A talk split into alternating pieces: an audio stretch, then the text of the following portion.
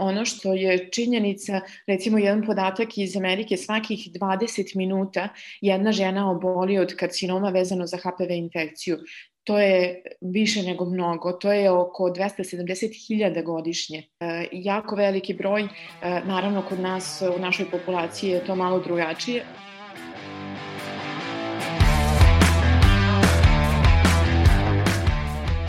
Na osnovu procena Međunarodne agencije za istraživanje raka i Evropske mreže registara za rak, Srbija se nalazi u grupi evropskih zemalja sa najvišom stopom obolevanja i umiranja od raka grlića materice.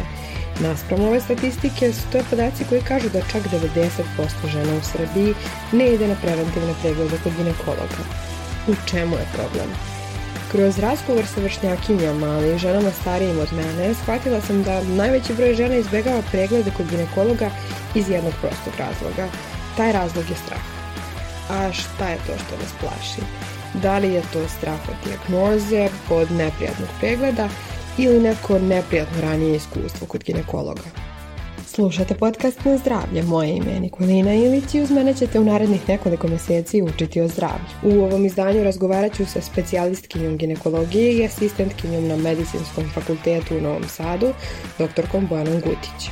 Govorit ćemo upravo o spornim ginekološkim pregledima, o nastanku i izlečenju raka grlića materice, kao i o tome koliko je posebno za mlade bitno uvođenje besplatnih HPV vakcina. Upravo o toj vakcini razgovarala sam sa studentkinjom Univerziteta u Novom Sadu.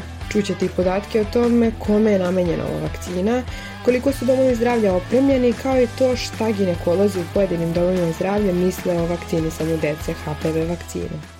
Jedan od najrasprostranjenijih virusa u ljudskoj populaciji je humani papiloma virus.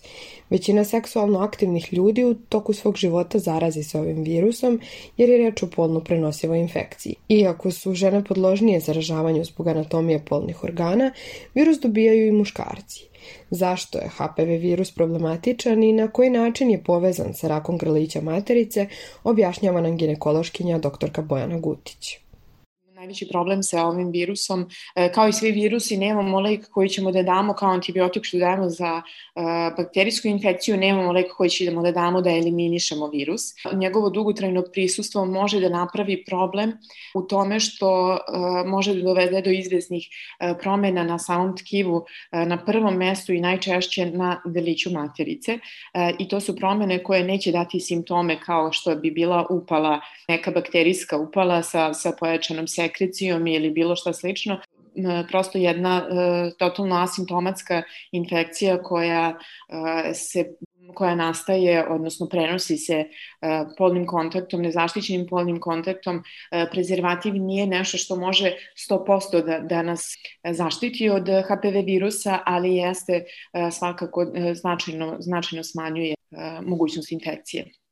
Često izbegavamo odlazak kod ginekologa jer smo mlade i mišljenja smo da tako nešto nama ne može da se dogodi. Međutim, prema rečima ginekološkinje Gutić, starosna granica za dobijanje raka grlića materice se nažalost pomera od 60 godina ka sve mlađoj dobi. Nažalost, e, često imamo, e, vidite i, i po medijima, e, prosto ljudi koji pričaju o tome, devojke, mlade devojke koje pričaju o tome već se 20 i nešto godine imaju karcinom grlića. U osnovi je zapravo ta HPV infekcija. Ono što jeste poznato da većina polno aktivnih devojaka žena imaju u nekom trenutku svog života HPV virus. On može da ostane u ćelijama i da ne pravi nikakav problem, ali u nekom trenutku kada, nam, kada postoji pad imuniteta, kada postoji, uh, postoji možda još neka druga infekcija udružena sa uh, prisustvom HPV virusa, svakako može da dovede do promena koje mi zovemo premaligne promene. To su praktično promene koje prethode razvoju karcinoma grlića i mogu da se diagnostikuju, možemo da ih prepoznamo, ali pacijent je dalje u tom trenutku nema simptome, to je nešto što možemo da vidimo na redovnom pregledu, ginekolog može da vidi. Prije samog pregleda, pacijentkinja najčešće ne može da uoči simptome HPV virusa. Također, rani karcinom grlića materice nema simptome. Kada se javi sekret neprijatnog mirisa, kontaktno krvarenje, odnosno krvarenje prilikom polnog odnosa, bolovi u maloj karlici, to bi trebalo da bude zeleno svetlo za javljanje ginekologu. Svi ti simptomi mogli bi da ukažu na uznapredovalu bolest, ali naravno ništa od toga ne mora da ukazuje nužno na karcinom. Baš iz razloga što nema simptoma ranog stadijuma raka, preventivni pregledi su izuzetno bitni. U poslednje vreme često u medijima čitamo i slušamo o ginekološkom nasilju, nehigijenskim uslovima, lošem tretmanu i obhođenju prema devojkama i sve to naravno utiče na naše odlaganje odlaska kod lekara. Doktorka Bojana Gutić objašnjava nam zbog čega devojke, iako svesne ovog problema, zaziru od ginekologa i kako bi ginekolozi trebali da se obhode prema pacijentkinjama koje dolaze prvi put na pregled uvek e, pacijentkinje koje, koje dođu pa su preplašene kažu najviše, e, odnosno imaju najveći strah da odu kod zubara i kod ginekologa. E, kod zubara se plaše nekih bolova, kod ginekologa sama činjenica da treba dođete u ambulantu i da se skinete nije baš prijatna. Meni je to očekivano i mislim da je negde sa naše strane kao ginekologa treba da, da taj neki prvi razgovor pacijenta kad mlada devojka koja dolazi prvi put na pregled Prvo, mislim da ne treba nikog da osuđujemo. Došao u onom trenutku kada je došao, sve ono što je bilo pre toga, čak i da ima neki problem, mi smo tu kao lekari da ju pomognemo, a ne da osuđujemo što nije bila, jer time ništa ne možemo promeniti.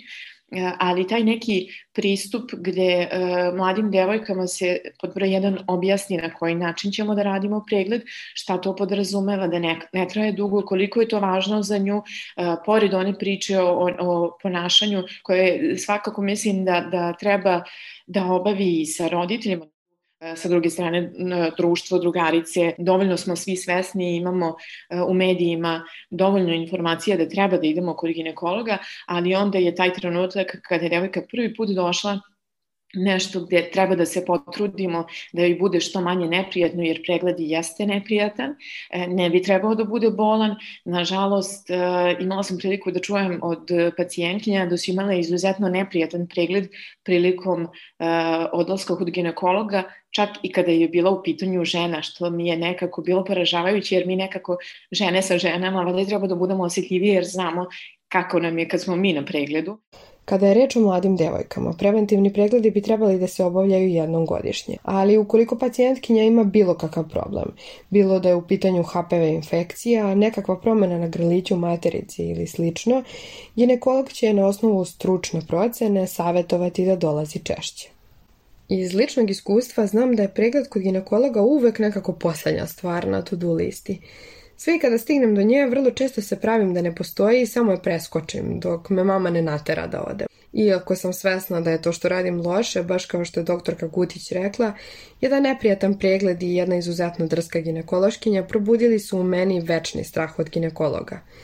Nekoliko tekstova na internetu ukazuje na to da 90% žena izbegava redovne preglede, a doktorka Gutić objašnjava zbog čega je loše otići kod ginekologa samo kada osetimo neke tegobe. Iskreno se nadam da nije baš tačna statistika, ali verujem da zapravo jeste i svi imamo u okruženju nekog koga ne možemo da nagovorimo i, i objašnjavamo koliko je važno, ali taj neko uvek ima određen razlog zašto baš sad ne može u svakom slučaju karcinom grlića u ranom stadijumu ili displazije koje prethode karcinomu grlića i mogu da se izleče, odnosno njihovim tretmanom dovodimo pacijentnju u stanje da, je, da, da smanjimo taj rizik, odnosno da, je više, da više nije u grupi pod rizikom za razvoj karcinoma grlića. To su asimptomatska stanja i apsolutno nešto što treba da se vidi e, na sistematskom pregledu. E, radi se papa, po potrebi kolposkopija, po potrebi e, određeni brisevi, naravno ginekolog kod svake pacijentkinje pojedinačno procenjuje, s tim što mislim da imamo dve krajnosti većinu pacijentkinja koje uopšte ne idu kod lekara e, i onu neku, ajde nije baš velik procenac, ali izvestan procenac devojaka koje urade sebi sve moguće priseve, sve moguće testove za koje su ikad čule, daju možda brdo para, ali polako nije baš to sve neophodno. Druga stvar vide, aha, HPV i onda kreće panika šta je sad sa ovim, da li ja imam karcinom, ja ću ili, ili će imati karcinom ili nešto, ali uh, prosto to je nešto što treba lekar da tumači.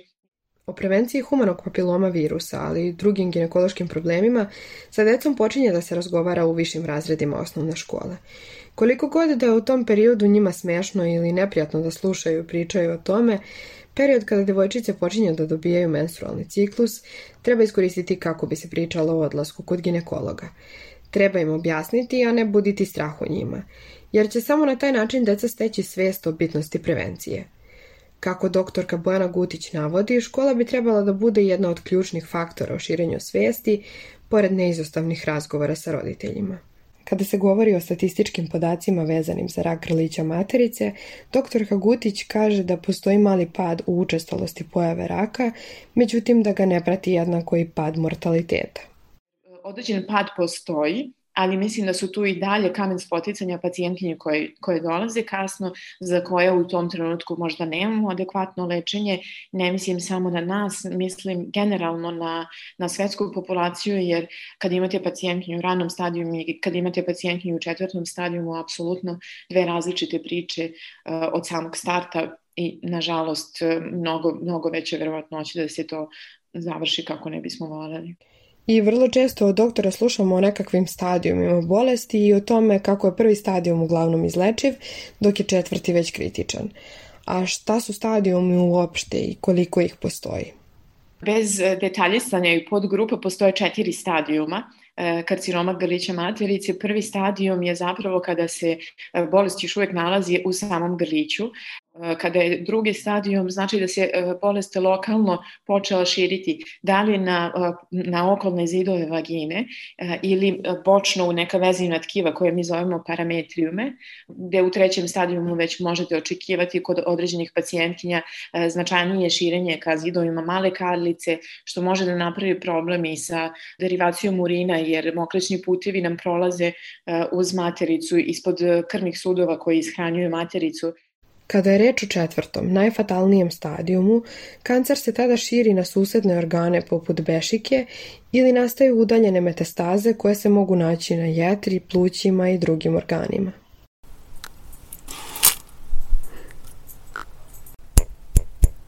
Od početka aprila HPV vakcina je besplatna u domovima zdravlja širom Srbije.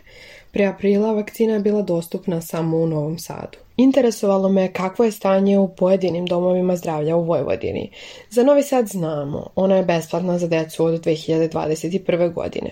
Zvala sam dom zdravlja u Subotici, rekli su mi da će verovatno doktori obaveštavati roditelje kada dovedu decu kod lekara. U Rumi sam bila kod moje ginekološkinje i ukratko, rekla mi je da je vakcina dostupna za decu od 9 do 19 godina, a uskoro ću vam ispričati sve informacije koje sam dobila od moje ginekološkinje. Prvo se posvetimo problemu što malo ljudi zaista zna za vakcinu, a i oni koji su čuli znaju površno. Studentkinje Univerziteta u Novom Sadu su podeljenog mišljenja oko toga da li bi je primile, međutim većina je bar površno upoznata sa time o čemu je reč. Ćao, da li znaš šta je HPV vakcina i da li bi je primila? Da, znam šta je HPV vakcina. Namenjena je prevenciji polno prenosivih bolesti, a naročito sprečavanju raka grlića materice. Neću je primiti jer mi je sada kasno. To je preventivna vakcina protiv raka grlića materice i smatram da bih je primila svakako iako u mojoj porodici nema istorije bilo kakve vrste raka. Čula sam za HPV vakcinu i znam šta je, ali sve je to nekako, kako bih rekla, površno, tako da ne bih mogla ništa više da kažem o tome. Iskreno, još ovaj, ne planiram ništa u vezi s tim vakcinama, jer mi je to jako još neispitano i nedokazano. Nisam čula i ne znam o čemu se radi. Nisam razmišljala o tome da li bih je primjela. Moram da priznam da sam i ja nakon čitanja tekstova na internetu o vakcini ostala pomalo zbunjena. Naišla sam na pregršt različitih podataka o tome kome je ona namenjena, o neželjenim dejstvima, pa sam odlučila da se posavetujem sa svojom ginekološkinjom. Otišla sam u dom zdravlja sa ciljem da se malo više raspitam o dejstvu vakcine i da je primim. Međutim, naišla sam na neočekivanu reakciju.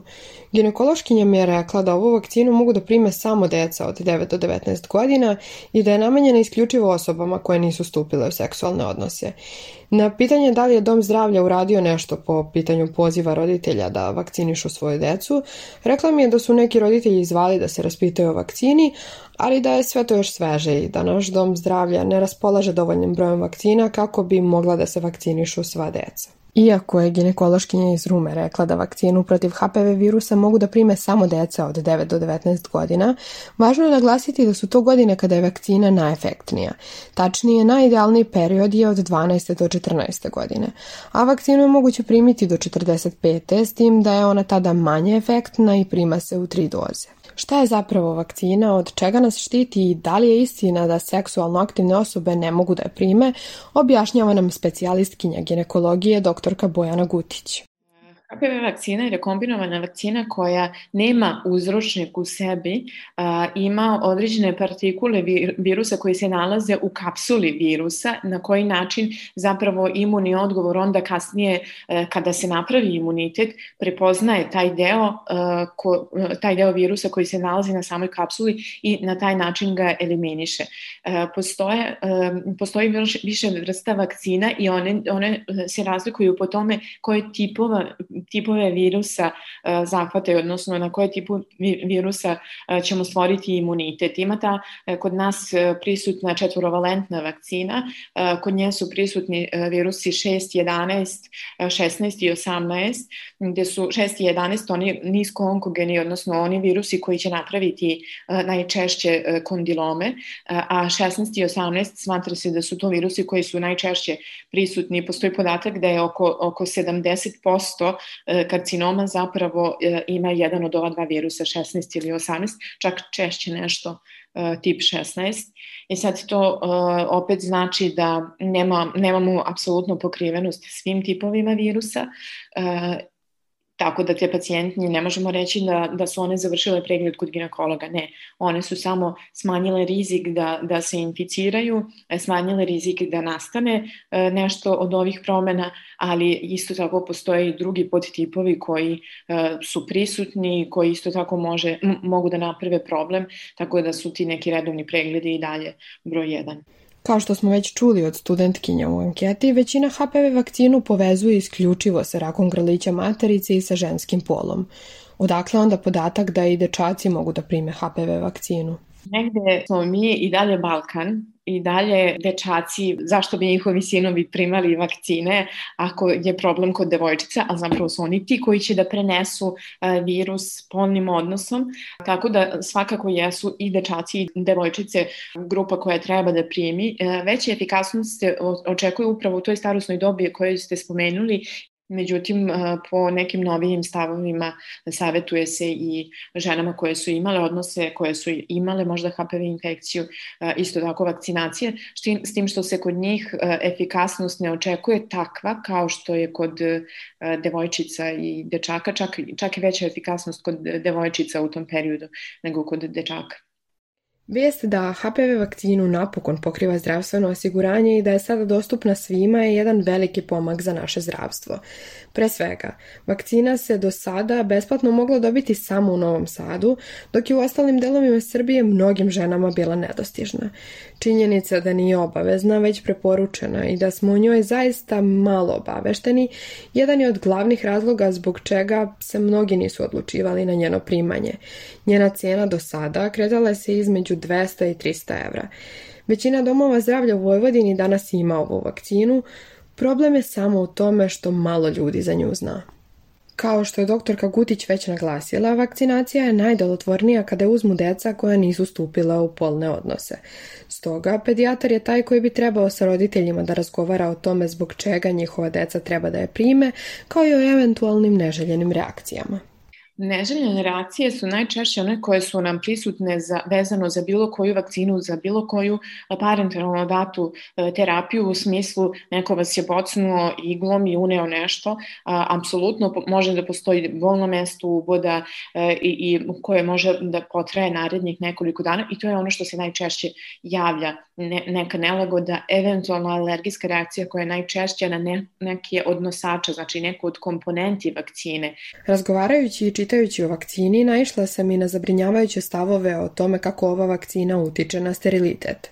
Ovo je mit i doktorka Gutić ga razjašnjava neplodnost, pa ja nisam našla ni jednu adekvatnu studiju koja povezuje HPV vakcinu sa bilo kojom vrstom neplodnosti svi smo mi primali koje kakve vakcine, ne kažem koje kakve zato što mislim da nisu dobre, nego smo ih primili sve što je trebalo i ništa nam nije bilo.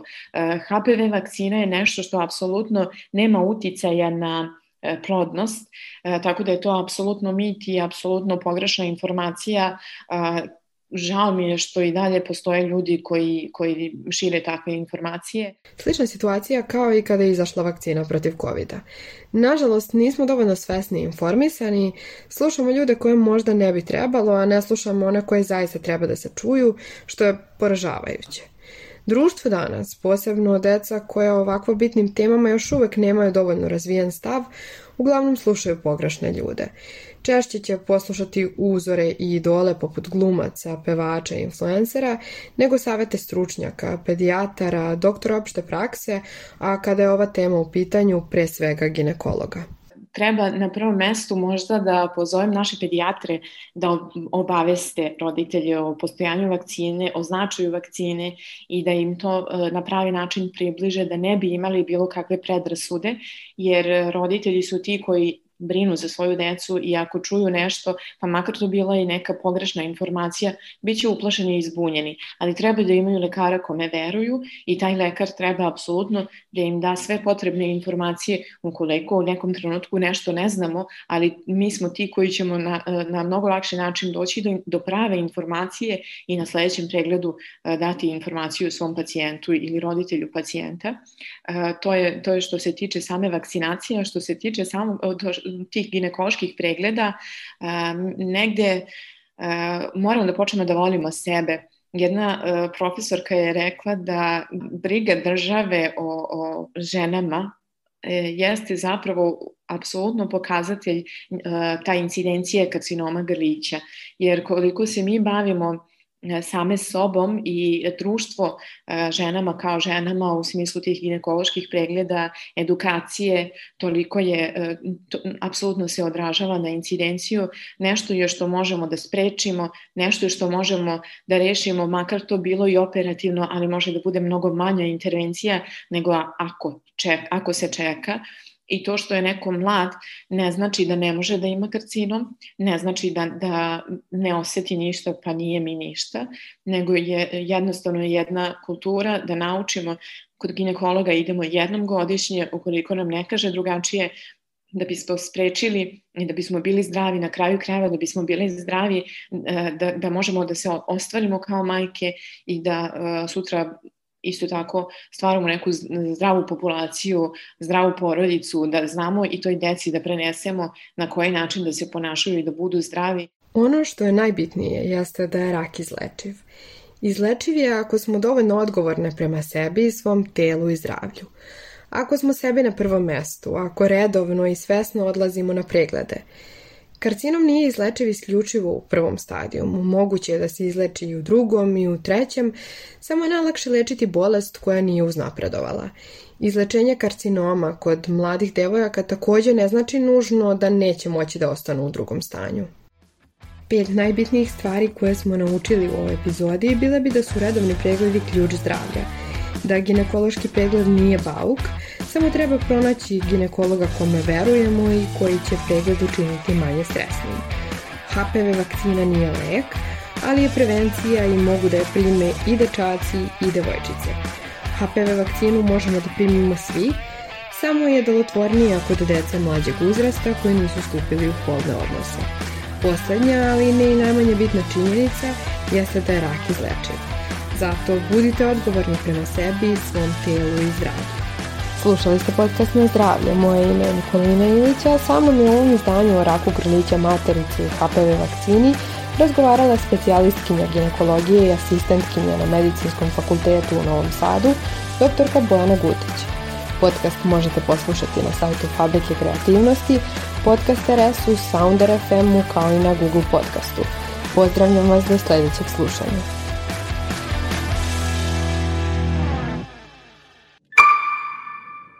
Produkcija Fabrika kreativnosti